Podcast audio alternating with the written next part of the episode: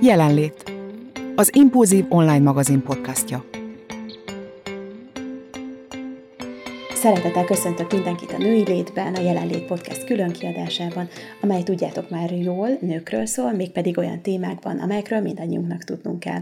A vendégem a mai Női Létben Kis Éva hajgyógyász. Szia Éva, köszöntelek! Szeretettel köszöntöm én is a hallgatókat, szervusztok! Éva holisztikus szemlélettel közelít a haj problémák hátterében meghúzódó okokhoz. Tőle tanultam meg, hogy a hajunk állapota az egészen apró elváltozásoktól a súlyosabb betegségekig képes előrejelezni a problémákat. Érdemes hát úgy tekintenünk rá, hát én így szoktam, és remélem, hogy majd ti is, hogy ez egyfajta jelzőlámpa, amelyeknek felvillanásakor körültekintőnek kell lennünk, és megkeresni az elváltozás belső kiváltókát. Évával tehát a hajgyógyászat komplexitás alakításáról fogunk beszélgetni. A podcastünk működését most is a Podcast Pioneers a Vodafone sokszínű tartalmakat népszerűsítő programja támogatta. Mondhatjuk azt, Éva, hogy a hajunk állapota igazából megmutatja az egészségügyi állapotunkat? Abszolút, azt gondolom, hogy igen. Nem csak a hajunk, hanem a fejbőrünk állapota is, sőt az egész ö, testünk, a felszíni ö, megnyilatkozások is megmutatják azt, hogy belül a szervezetem ö, belsejében milyen eltérések vannak, milyen problémák vannak.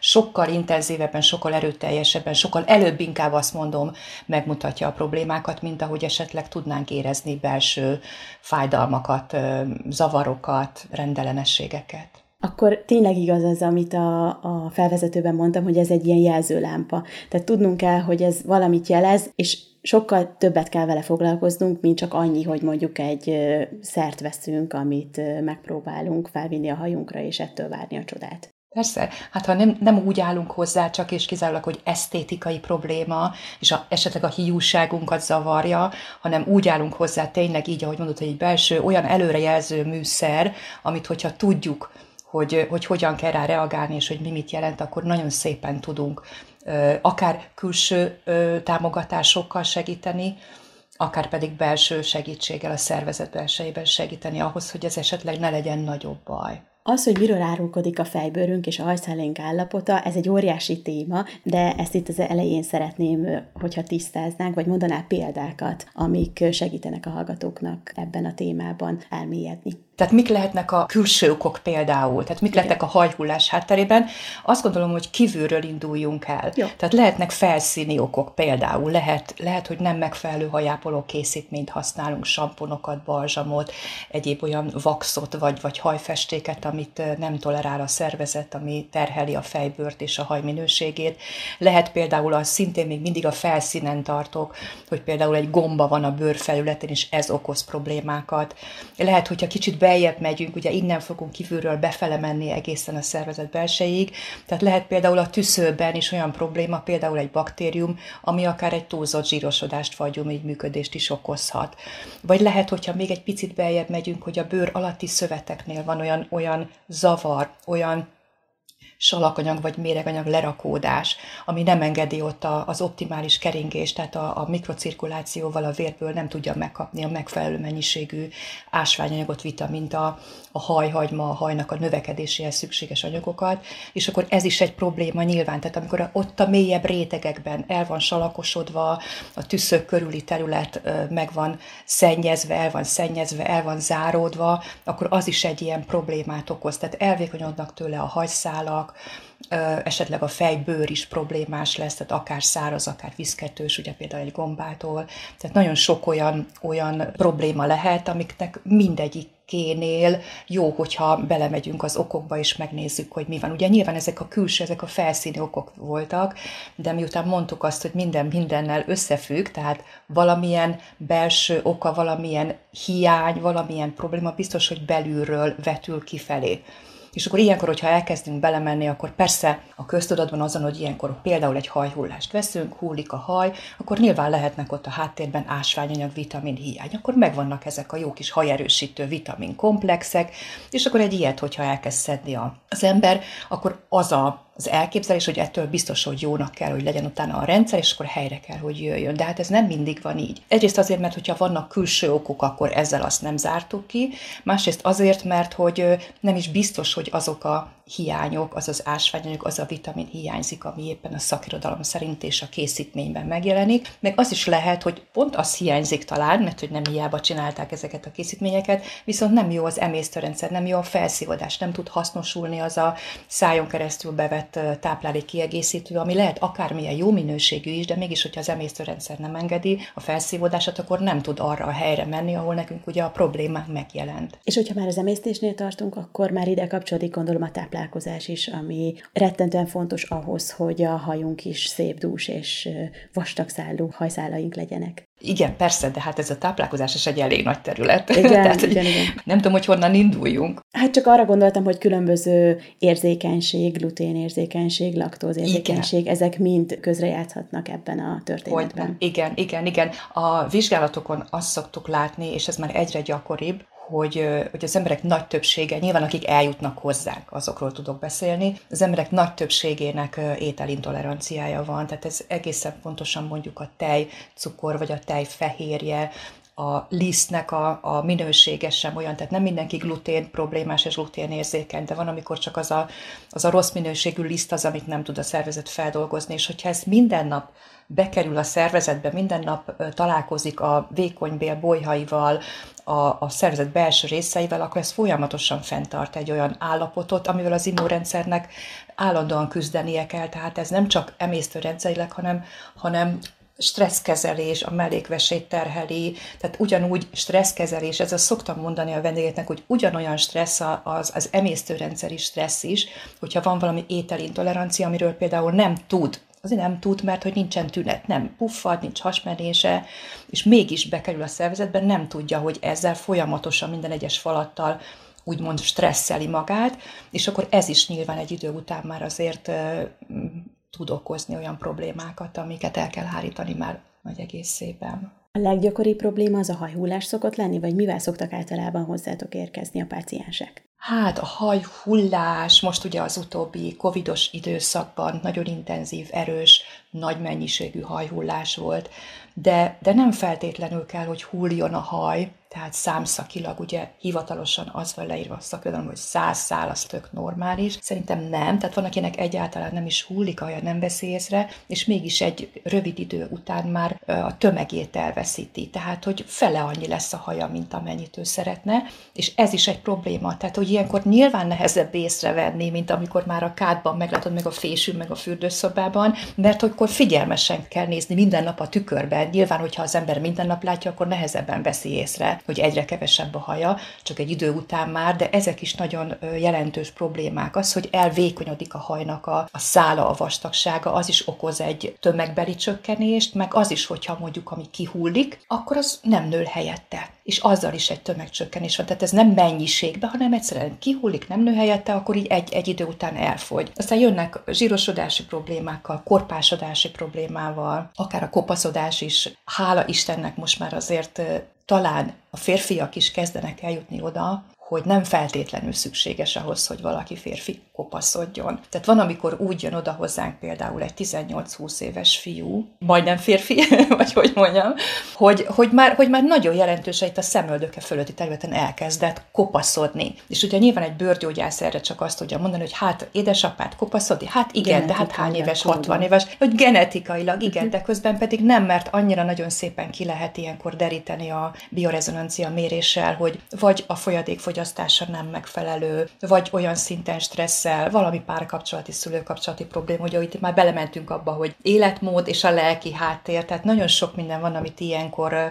ilyenkor hogyha ki lehet szűrni, és megvan az az egy kis baki, akkor nyilván, hogyha neki fontosabb az, hogy a haja megfelelő módon nőjön, és ne legyen kopasz 22 éves korára, akkor nyilván váltani fog. És nagyon érdekes, mert egyik napról a másikra az én tapasztalatom az, hogy, hogy, hogy egy fiú le tudja tenni mondjuk a nem tudom, kólát, vagy, a, vagy az olyan, olyan üdítőitalokat, amik, amik terhelőek a vesére, az egész szervezetre, az idegrendszerére és mindenre. Tehát, hogy nagyon-nagyon jól tudnak együtt lenni velünk ebben a terápiás megállapításban, meg ennek a végzésében. Meg hát utána annyira jól látni, hogy ezek a változások tényleg pozitív irányba változtatják meg az embernek az egész életét, ha lehet így mondani. Igen, igen, igen, hogy ne is, amikor két hónap múlva jön, és akkor elmondja, hogy igen, most ezt nem ettem, azt egyáltalán nem ettem annyi édességet, nem ittam kólát, és tök jól van az élete, tehát így is ki lehet bírni, így is van élet, és látjuk a, a, a változást, hogy tényleg visszanől, és akkor annyira jó ez így neki is, hát nyilván nekünk is, hogy, hogy nem azt az irányt vettük, amit mondjuk hivatalosan, hogy akkor ez hormonális, és akkor ott kell keresni a dolgokat, hanem ugyanúgy emésztő rendszeri problémák is vannak a kopaszodás mögött, mint amennyire mint amennyire hormonális. És akár ez a fejtetői rész, tudod, amióta, tehát az két szemöldök fölötti az a vese területe, vese mellékvese, és ott a fejtetőn az pedig a májnak a területe. Tehát az is nagyon érdekes, hogy ott is ö, szokott kezdeni férfiaknak a kopaszodás, és arra is van jó néhány ilyen képem és tapasztalatunk és visszajelzésünk, hogy nagyon szépen visszanőtt, nem 18-20 éves korban, hanem még 40-50 éves korban is nagyon szépen vissza tud erősödni ott a haj, hogyha mondjuk csinál egy májtisztítást, vagy csinál egy olyan életmódváltást, ami, ami sokkal kedvezőbb a szervezetének, mint amit addig csinált. Ez nagyon érdekes, amit mondtál, hogy sokan szerintem azt tudják, hogy a talpon például megvannak azok a bizonyos pontok, amik egy-egy szervez vezetnek, úgymond, de hogy ugyanez a fejbőrön is megvan. Mesélsz erről nekünk? Igen, számomra, igen, persze. Tehát ugyanúgy, az előbb ugye mondtuk, hogy kijelzi a szervezet a perifériákon az, hogyha belül valami történik, és ez egy érzékeny jelzőrendszer. Vannak mikroterületek, ugye így alakultak ki nyilván a mikroterületek, és amit sokan ismernek, az a talp. Van a tenyéren is ugyanúgy megjelennek a szervek térképe, de mondjuk egy iris diagnosztika alapján pedig a szemből lehet látni azt, hogy milyen belső elváltozások vannak. Nekem ez a hajas fejbőr, miután azt vizsgálom 27 éve, tehát hogy ott alakult ki egy olyan rendszer, egy olyan térkép, aminek alapján ránézek, és látom, hogy ez itt a petefészek, a bal petefészek nem úgy működik, ahogy kéne, az epehólyag esetleg, a máj vagy a vastagbél, és nagyon szépen ugye területenként jelzi, hogy melyik szervhez kapcsolódik, és a, az elváltozások minőségén pedig, pedig meg szintén lehet következtetni dolgokra. Tehát, hogy akár a fejbőr, mutat-e valamilyen eltérés, hogy a mélyebb rétegek vagy a hajszálaknak a minősége változik, tehát minden jelzés, ami azon a területen van, minden egy, egy, egy nagyon fontos adatot mutat nekünk, és akkor abból lehet következtetni. Hogyha valaki még sosem volt hajdiagnosztikán, és, és rá sem tudja képzelni, hogy ez hogyan működik, akkor ebbe egy picit vezessük be őket. Szóval, hogy ez nem arról szól, hogy csak a hajat megvizsgálod, hanem ez egy sokkal sok rétűbb dolog, és, és tényleg olyan dolgok derülnek ki, amire nem is számítunk. Igen, hát ez egy nagyon komplex vizsgálat szokott ilyenkor lenni. Úgy kezdjük, hogy most sorban mondom akkor igen, hogy egy biorezonanciás állapot felmérés, vagy egy ilyen teljes átvilágítás, inkább azt mondom, történik, ahol kiderül, hogy van-e gomba, vagy baktérium, vagy parazita, vagy vírus a szervezetben, hogy milyen hiányai vannak, ásványi vitamin hiány. Ugye nyilván ezt mindig pontosítjuk is, hogy melyik vitamin, melyik ásványi anyag, hogy melyik szervnek van eltérése, tehát hogy akár a vékonybél, vastagbéltől a petefészek, máj, prostata, tehát rengeteg szervi mérő tesztampullánk van, és hogyha ezek mutatnak egy eltérést, akkor nyilván azt regisztráljuk, és akkor azzal fogjuk látni egy ilyen kimutatást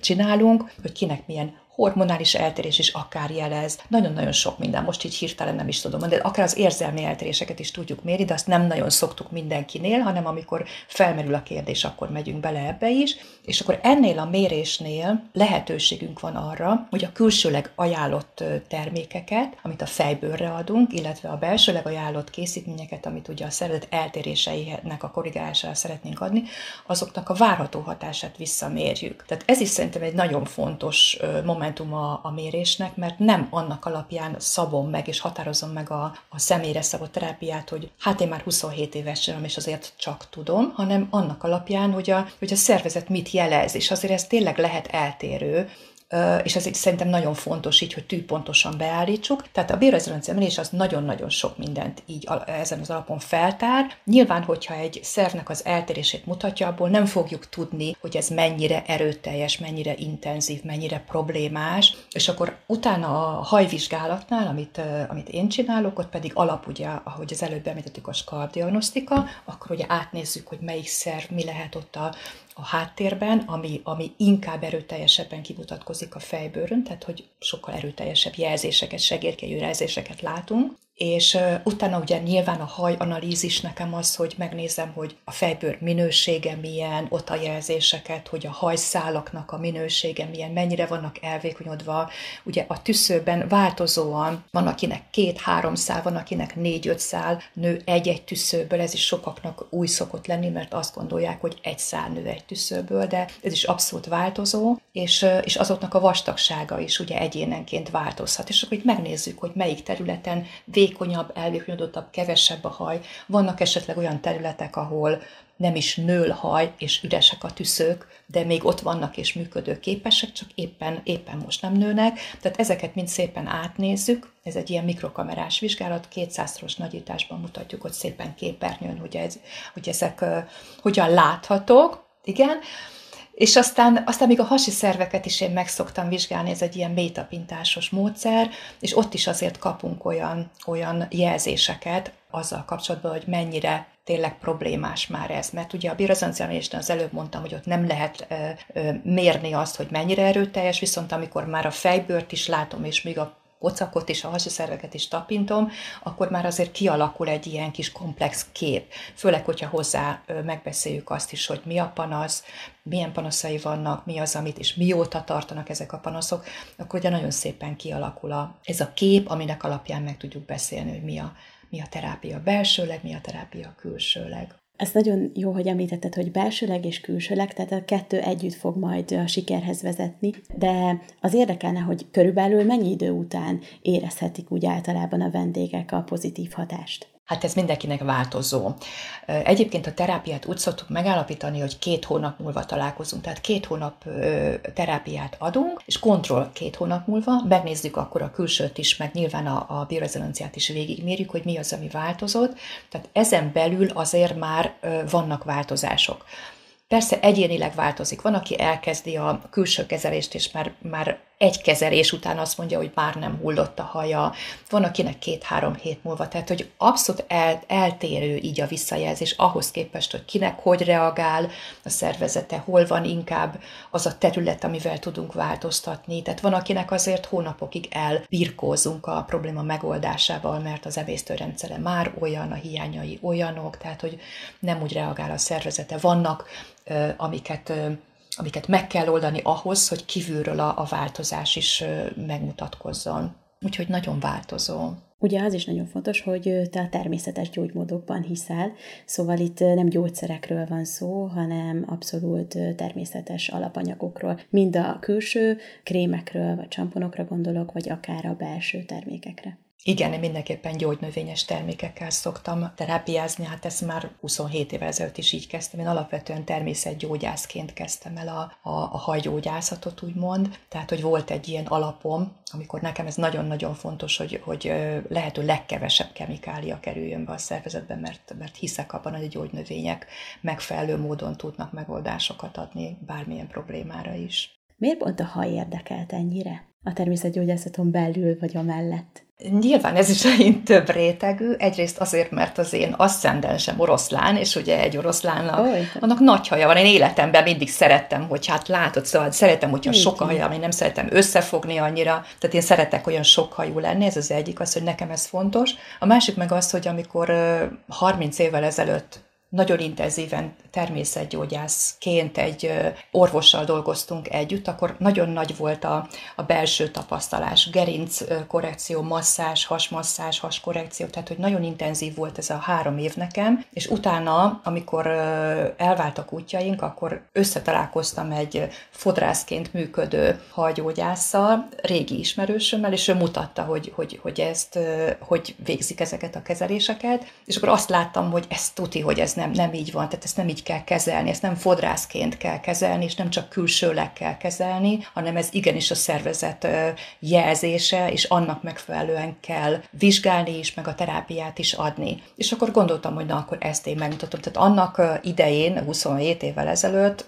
nagyon nem volt ilyen holisztikus hajgyógyászat, tudomásom szerint, tehát az a hajgyógyászat, ami akkor működött néhány éve, az arról szólt, hogy kívülről milyen készítményeket visznek rá, és ilyen méregdrága kezeléseket adtak, amit én azt gondolom, hogy pénztárca barátabban meg lehetett oldani úgy, hogy külső és belső kezeléseket együtt adjunk, és sokkal gyorsabbak voltak a hatások is. Hát ebbe abszolút úttörő vagy. Beszéltünk már pár szót a táplálkozásról, és ez is egy óriási téma.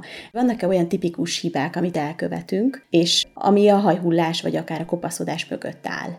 Hát amiket elkövetünk, igen, tehát hogy a nem megfelelő táplálkozás, az, amikor, az, amikor sok az édességfogyasztás, nem, nem vitamindús, ásványatús a táplálkozás. Ugye mellé azt is tudjuk, hogy a mostani zöldségek, a gyümölcsök nem tartalmaznak olyan mennyiségű vitaminokat már, mint amit nem tudom, 40 évvel ezelőtt, de attól függetlenül azért fontos, hogy minőségi táplálékokat adjunk a szervezetnek. Nyilván nem a gyors kajáldákból táplálkozunk, hanem inkább jobb, hogyha otthon magunknak készítjük el, és tudjuk azt, hogy mit teszünk bele, de hát persze, hogy erre nem sok embernek van lehetősége, de azért akkor is jó, hogyha törekszünk arra, hogy a megfelelő táplálékokat vigyük be, nem a szennyezett, a kemikáliákkal megterhelt a több napos konzerv és, és ilyen ételekkel terheljük a szervezetünket, ez fontos. Fontos a folyadékfogyasztás, szerintem az megint egy nagyon, nagyon kényes kérdés, mert azt szokták mondani, hogy a két liter folyadék az azért alapvetően, de szerintem a folyadéknak a mennyisége talán, és ezt értsd úgy, ahogy mondom, nem annyira fontos, mint a minősége. Tehát uh, nyilván, nyilván fontos a mennyiség is, mert két decivel nem, nem lehet, de ez is egyéni függő, az, hogy éppen milyen uh, sportot végez, vagy nem, az, hogy éppen milyen időszak van, nyár van, vagy tél van. Tehát fontosak ezek a körülmények is, de az, az mindenképpen fontosabbnak tartom, hogy a folyadéknak a minősége legyen olyan, hogy ez a szervezetet támogassa, hogy ez a vesét segítse. Tehát oké, okay, hogy mondjuk egy két liter sörnél, meg, meg bornál, meg szénsavas üdítőnél, meg rostos italnál jobb a csapvíz, nyilván, de a csapvíz sem, sem ideális a szervezetnek, és még egyes ásványvizek is megkérdőjelezhető minőségűek, ugye azt azért tudjuk. Tehát én a legjobbnak, meg a legtisztábbnak úgymond a, ezt az ozmózisos tisztító, víztisztítási módszert tartom, és én azt gondolom, hogy ez nem olyan nagy összeg, hogyha mindenkinek az otthonába bekerül ez, és akkor ezzel főzhetünk, ezzel ihatjuk a folyadékainkat, akár a teját, akár csak a sima vizet. Tehát ezek azok, amiket ugye el szoktunk követni. A kis rákcsák, a sok édesség, az, hogyha nem figyelünk arra például, hogy, hogy amit megeszünk, attól nem érezzük jól magunkat, és fontosabb az, hogy megettük és fincsi a szánknak, mint az, hogy nem érezzük jól magunkat. Tehát az, hogy, hogy nem jó a, a bélnek egy bizonyos táplálék, azt azért az ember jó, hogyha észrevesz, és jó, hogyha utána nem eszi, tehát nem csábul el. Tehát ezek azok, amivel, amivel úgy nagyon tudjuk hosszú éveken keresztül akár terhelni a szervezetünket. Ugye hormontanácsadóként is dolgozol, és az érdekelne, hogy a hormonjaink mennyire befolyásolják a hajunk minőségét. Persze lehetnek hormonális okok is a háttérben, lehet pajzsmirigy probléma, lehet ugye a stressznek is hormonális hatásai lehetnek, de akár egy, egy ösztrogén dominanciás állapot is lehet a háttérben, akár a mellékvesének a, a kifáradása is ugye ezekből az ételi, nem kezelt ételintoleranciákból, vagy akár a stresszből.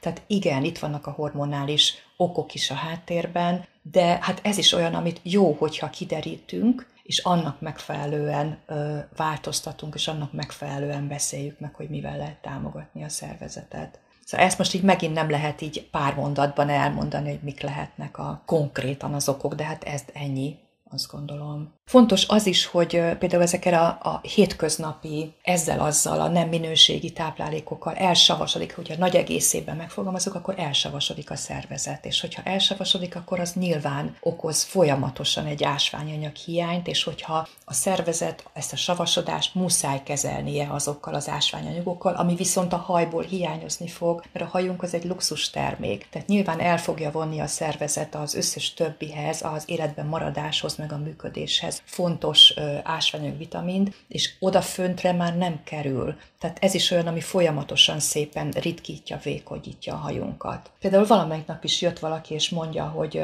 nekem világéletemben vékony szálú volt a hajam, és akkor tudod, nézem mikrokamerával, és hát tudom, hogy milyen egy vékony szálú haj, kinagyítva képernyőn, és közben néhány olyan vastag szálat találtunk nála, amit itt néztem, és mondtam, hogy azt, hát elhiszem, hogy azt mondod, hogy vékony szálú, de hogy genetikailag, vagy lehetőségben a tüszőid tudnának sokkal vastagabbat is termelni, és ez neki is új volt, mert ő úgy élt nagyon régóta, hogy neki vékony szálú haja, és nem egy ilyennel találkoztam, és közben pedig folyamatosan ez azt azt jelenti, hogy 10 éve, 20 éve, vagy akár, akár több is nem derítette ki azt az okot, ami miatt nem jut elég táplálék oda a hajhagymákhoz, és nem tud megfelelő, a tüszők számára lehetséges vastagságot kialakítani a haja, tehát ezáltal nincs meg a haj tömegesen. Az nagyon érdekelne, hogy milyen szerinted a helyes hajápolási rutin, mert szerintem ez olyan alapvető kérdésnek tűnik, de ebben is szerintem el lehet veszni, és nem biztos, hogy tudjuk a, a helyes megoldást, és kíváncsi vagyok, hogy egy szakértő mit mond erre.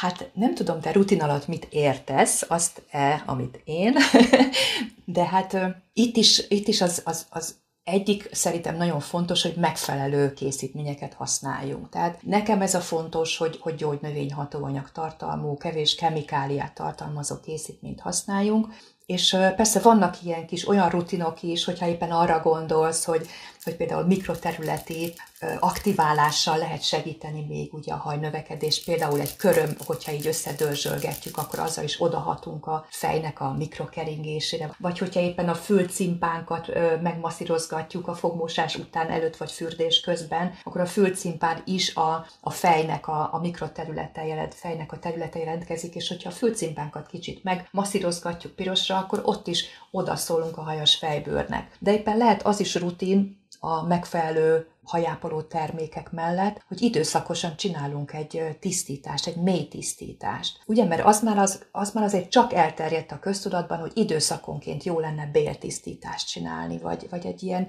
méretelentést csinálni három havonta, fél évente, évente, ki hogy szereti.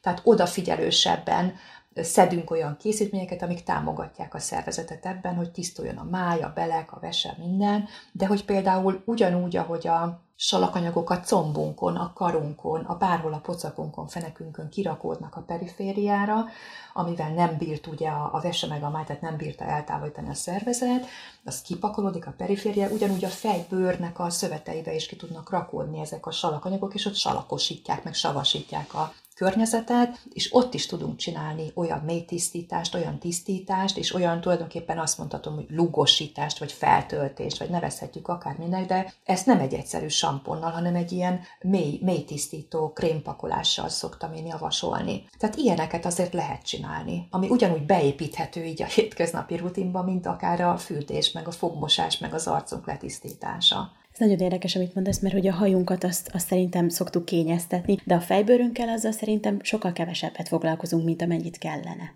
Igen, igen, igen, és amikor van egy hajhullás probléma, akkor is ugye mit csinál az átlagember? Bemegy a patikába, olyan, és vesz egy sampont. Tehát egy sampon én azt gondolom, hogy nem tud elég mélyre menni ahhoz, hogy ott megoldja ezeket a mélyen lévő problémákat. És azért csodálkoznak is, amikor ugye mi a, a hajgyógyászatban mindig terápiázunk egy egy általam összeállított receptúra szerint készült termékkel szoktam dolgozni, sampon is, meg a fejből regeneráló krém is, ami, ami azért van, hogy mint egy arcpakolást, csak azt a fejbőrünkre tesszük mosás előtt, és akkor ezzel a, a kezeléssel nagyon szépen mély tisztítani, méreteleníteni lehet az egész fejbőrt, és gyakorlatilag ez megfiatalítja a hajhagymákat, megfiatalítja ott a, a hajtermelő őssejteknek a környezetét is, és sokkal intenzívebben tud helyrejönni a probléma, és erősebb szálakat tud ennek kapcsán csinálni a fejbőr a hajhagymák. Ugye a hajhullásról és a kopaszodásról már többet beszéltünk, de például az őszülésről eddig még nem esett szó, és az érdekelne, hogy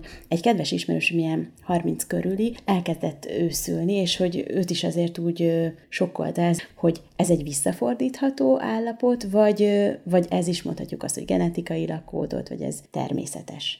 Én azt gondolom, hogy az őszülést is tehetjük a szervezet segélykérő jelzésének, vagy mutatójának. Tehát ugyanúgy lehet az, az őszülés hátterében mondjuk egy részhiány, vagy éppen a B12 vitaminnak, a cinknek a hiánya, vagy éppen a B5 vitamin, vagy akik például vashiányosak, azok hamarabb őszülnek, de hogyha jót hiány van, az is okozhat problémát vagy például a kataláz enzim, hogyha nincs megfelelő mennyiségben, akkor is ki tud fakulni a haj. Tehát, hogy mindenképpen jelezhet ilyen belső dolgot. Nyilván persze a stressz is lehet ott, hogyha, hogyha azt a részét nézzük, a szervezetnek a problémáit, meg egy itt is ugyanaz lehet, mint ami egy haj hullásnál, csak amikor ezek a hiányok jönnek elő intenzívebben, akkor, akkor egy őszülésben fog jelentkezni. Az is nagyon érdekes egyébként, hogy volt olyan vendég, akinek úgy kezdett el egy tincs őszülni, hogy a bizonyos területen. Tehát ott is megint akkor összekötjük a skalpdiagnosztikával, összekötjük azzal, hogy milyen hiányai vannak, és összekötjük még nyilván ilyenkor össze tudom fogalmazni, ez most nagyon csúnya volt magyarul, az, hogy mi lehet a lelki oka, meg mi a belső oka és a lelki oka is mi lehet,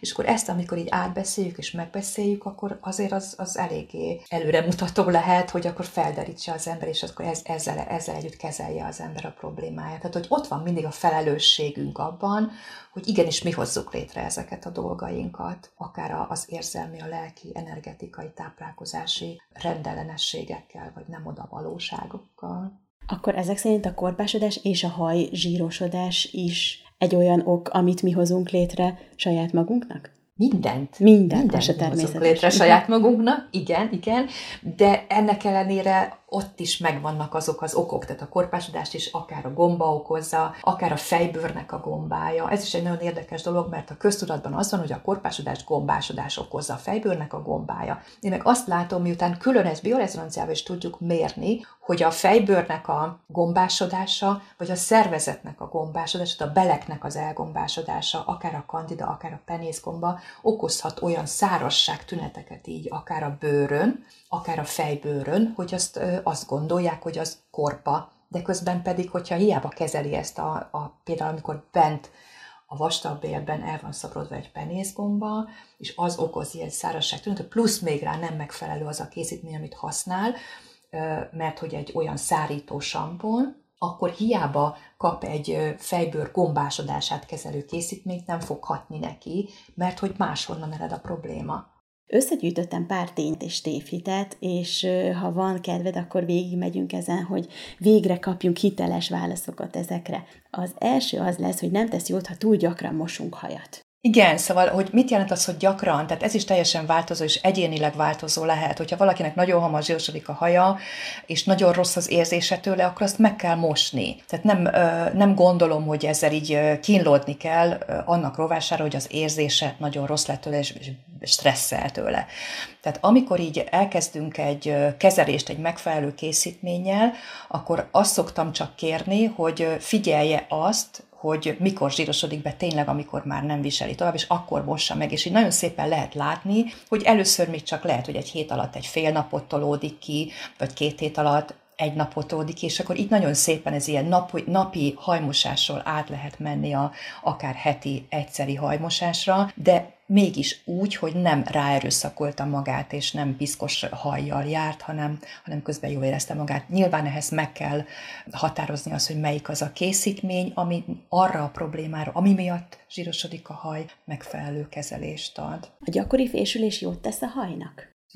Hát ez attól függ, hogy mit fésülünk. Hát most ha, mit és mivel fésülünk. Hogyha Vagy a fejbőrnek. Pontosan inkább. Tehát a fejbőrnek én azt gondolom, hogy azért is jó, mert hogy, mert hogy kap egy ilyen stimulálást, hogyha úgy nézzük, hogy nem olyan fésűvel, hogy megsérti a fejbőrt, vagy, vagy ha gyakran fésül és zsírosodik a fejbőr, akkor nyilván nem jó, hogyha gyakran fésüli, vagy hogy, vagy hogy fésül, de hogy mindenképpen jót tesz egy ilyen stimulálás, egy ilyen keringésfokozás a fejbőrnek, hogy azt fésűvel tesszük, vagy az új begyeinkkel, vagy a körmeinkkel, az már részletkérdés, ez megint tényleg egyénileg, egyénileg változó lehet. Hogyha gyakran vágatjuk aljunkat, akkor erősebb lesz és gyorsabban nő, vagy ez egy tévhit? Nem látok ebben logikát, hogy ha végét levágjuk, akkor gyorsabban nő.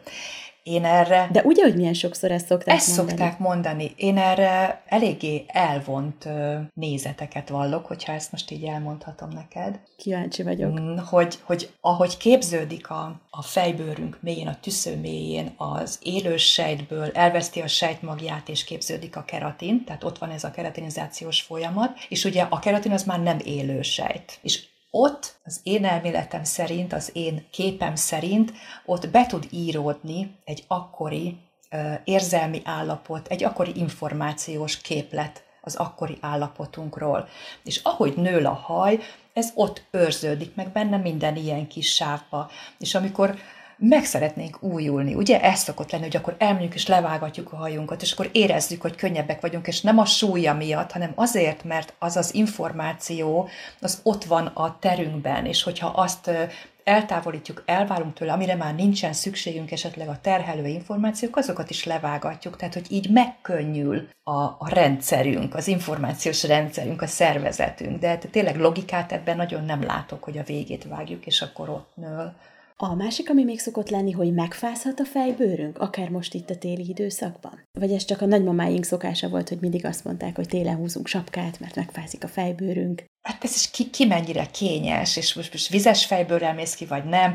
Én nem hiszem azt, hogy, hogy meg tudna úgy fázni, hogy ezzel 30 év múlva is lehet egy kopaszodást ö, indokolni. Én azt gondolom, hogy idézélbe kutya kötelessége a szervezetnek ezeket a rendetlenségeket, ezeket a stressz kívülről bejövő, akármilyen ingadozás, hőmérséklet, bármi úgynevezett stresszeket korrigálni és helyrehozni. Hát a sejtek dolgoznak, a rendszerünk dolgozik. Tehát oké, okay, megfázhat, mint ahogy mi is megfázhatunk, az immunrendszerünk működik, helyrehozza azt a, a, az eltérést, és akkor minden rendben kellene, hogy menjen a, az útján. Uh-huh. Az érdekelne még, hogy ugye női létben főként nőkről beszélünk, de hogy azért sokszor szó esik arról, hogy férfiak is érkeznek hozzátok, hogy mit tapasztalsz, kik küzdenek több problémával a hajukkal kapcsolatban? Hát inkább nők jönnek többen, az biztos, hogyha, hogyha ez a kérdésed, de, de hát férfiaknak ugyanúgy lehet, és nem csak a kopaszodás, hanem ugyanúgy ott van a, a probléma lehet nagyon intenzív viszketés, vagy éppen a korpásodás, amivel nem bír, semmilyen samponnal megoldást nem talál rá, vagy éppen tényleg pattanások ott a fejbőrön. Tehát ugyanúgy a férfiaknak is vannak problémái, talán kevésbé jönnek el hozzánk, mint ahogy egy nő, de azért, azért jelen vannak ők is.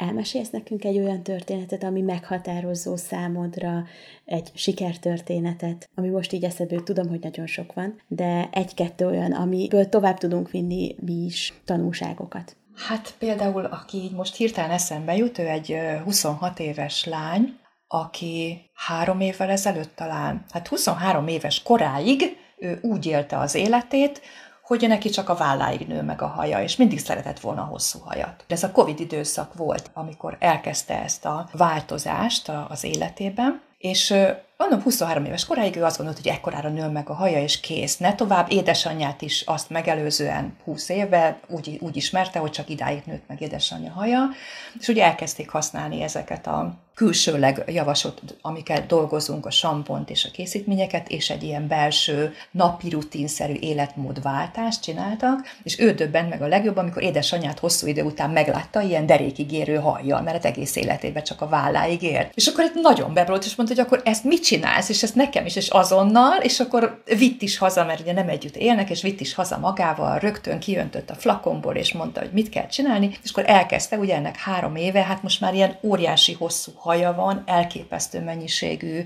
haja van, gyönyörű, gyönyörű, de hogy ő életmódot váltott. Tehát egyrészt a, a mondom, ezeket a készítményeket használja, attól már önmagában nagyon intenzíven nő a haj, mert táplálja a fejbőrt, és beállította szépen a napi rutinjába azokat, a, amik fontosak. A bélflórára figyelt, a táplálkozásra, a vitaminpótlásra, az időszakos tisztításokra, a fejbőrnek, amit mondtunk az előbb, a méretelintésére, tisztítására. Tehát három év alatt olyan elképesztő változást tudott magának csinálni, nem három, hát kettő már biztos, de most már azóta élvezi, tehát hogy, hogy, hogy, hogy nagyon-nagyon jelentős változás úgy, hogy ő meg volt arról győződve, hogy neki addig nől csak a haja olyan készítményeket használt, és mondta is, hogy méregdrága dolgokat megvet már külföldről, és nem, nem spórolt, és nem hatott neki semmi, és akkor egyszer csak ez, ez így nagyon bejött, úgyhogy ez nagyon, nagyon jó kis történet, mert ugyanúgy az édesanyjának is, meg, meg, meg neki is ez a változás. És tényleg csak annyi, hogy nem egy vitamint szed, nem egy sampont használ, hanem egy ilyen komplekt rendszert változtatott, és a mai napig azon van, hogy figyeljen folyamatosan a szervezetének a változására, és annak megfelelően csinálja a dolgokat, amit igényel a szervezete, meg a lelke, meg a mindene. Van, ami még számodra is meglepetést okoz, vagy fejtörést? Imádom, hogyha valami fejtörést okoz, megmondom őszintén, mert akkor lehet kombinálni, és akkor, és akkor újabb feladatnak érzem meg. Ugye azért nagyon szeretem, mert a biorezonancia mérésnél is tudok csinálni újabb olyan tesztampullákat, amivel bármit meg tudunk mérni, és akkor, hogyha így, így el tud menni a fantáziám, hogy akkor mit kéne, hogy kéne, milyen összefüggések vannak, azt én nagyon szoktam szeretni, és akkor nagyon belemegyünk így a, a nyomozásba. Szóval akkor ez külön egy üdítő dolog nekem, hogyha van valami. Akár például volt olyan, hogy hogy jött hozzánk egy hölgy, akinek 20 nem tudom én hány évet teljes, teljesen az összes szőrzete elhullott hajáról, szemöldökéről, minden, ugye akkor volt egy problémája, és néhány évig nyomozott, de, de hát nem derült ki semmi, ugye a szokásos góckutató vizsgálatok ilyenkor nem nagyon szoktak mutatni eredményeket, és akkor, amikor jött hozzánk vizsgálatra, kiderültek, amik kiderültek a vizsgálatnál, megkezdte a, a belső terápiát, és két hónap múlva, vagy amikor visszajött két-három hónap múlva, akkor megjelentek a teljesen ö, sima felületén, felszínén a, a pihék, tehát ez azt jelenti, hogy éltek még 20 év után is, éltek, vagyis inkább azt mondom, működőképesek voltak a tüszők és ott a hajtermelő őssejtek, csak valamilyen oknál fogva folyamatosan a szervezetében az, az, az, az, az a változás az nem történt meg. Úgyhogy, úgyhogy ezek, ezek nekem is nagyon meglepetésszerűen hatnak, mert ugye amikor az van leírva a szakirodalomban, hogy egy idő után meghalnak, egy idő után nem működnek, és nincs remény, és akkor benne vagy egy ilyen nincs remény folyamatban, de közben pedig látom, hogy ja, van. Tehát, hogy olyan helyeken ki tud nőni a haj, és újra tud működni egy tüsző, és újra tudnak a, a hajtermelő őssejtek munkába állni, ahol azt mondja a szakirodalom, meg azt mondja a bőrgyógyászat, hogy ott nem lehet, nincs, nincs, nincs lehetősége. És közben pedig van, és annyira jó ez így nekem tapasztalatnak. Ezek annyira jók, ezek a sikerélmények. Az érdekelne még, hogy amikor találkozol, akár egy ismerős, egy baráttal, a haj az első dolog, amit úgy szemügyre veszem. Például nekem a kéz egy ilyen dolog, amit nagyon szeretek megnézni, de te biztos, hogy a hajakat nézed meg, és egyből azért szakmai szemmel nézed. Mániákusan, igen. Gondoltam. De nem kell ez ismerősnek lenni, csak úgy egy, egy embert meglátok, a, nem tudom, megyek a pénztároshoz, és ott látom, na, akkor ennek, de nyilván nem mondom, csak hogy alapvetően jön egy, uh-huh. ilyen, egy ilyen kép. Hát, ez most már így marad. De van, amikor például megállítanak, és hát mint a humoristától kérnek egy, egy viccet tőled, pedig azt, hogy egyből áruld el, hogy akkor mi lehet a probléma hátterében? Persze, szokott lenni ilyen, mert gyakran hívnak előadásokat, kell tartanom a, itt-ott amot, és, és akkor azért jönnek oda, hogy húlik a haja, mi lehet az oka? hogy odaáll elém.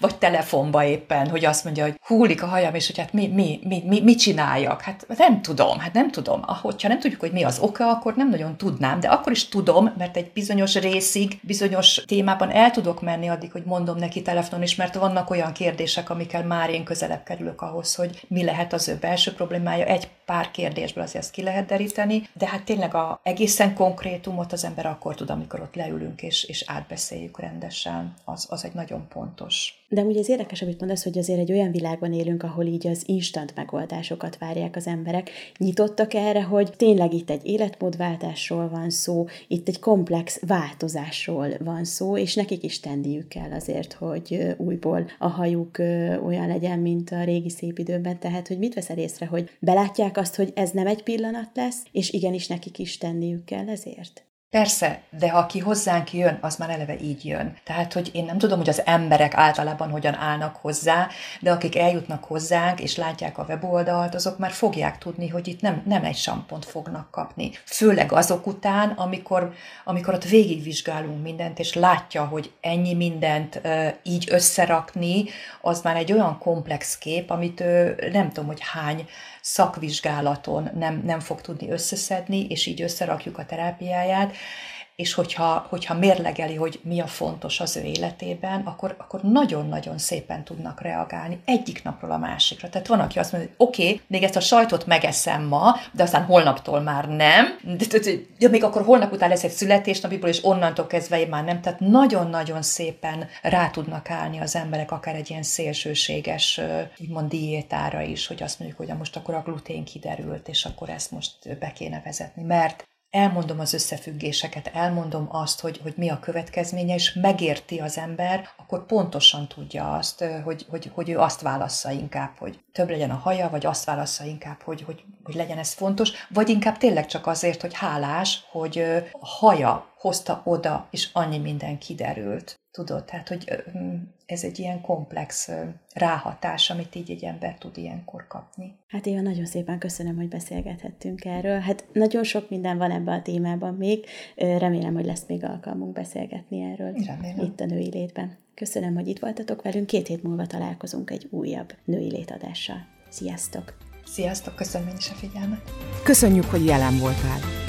Keresd az Impulzív online magazin podcastját az ismert csatornákon, a Spotify-on, a Soundcloud-on és az Apple podcastok között, valamint az impulzívmagazin.hu weboldalon. Tarts velünk legközelebb!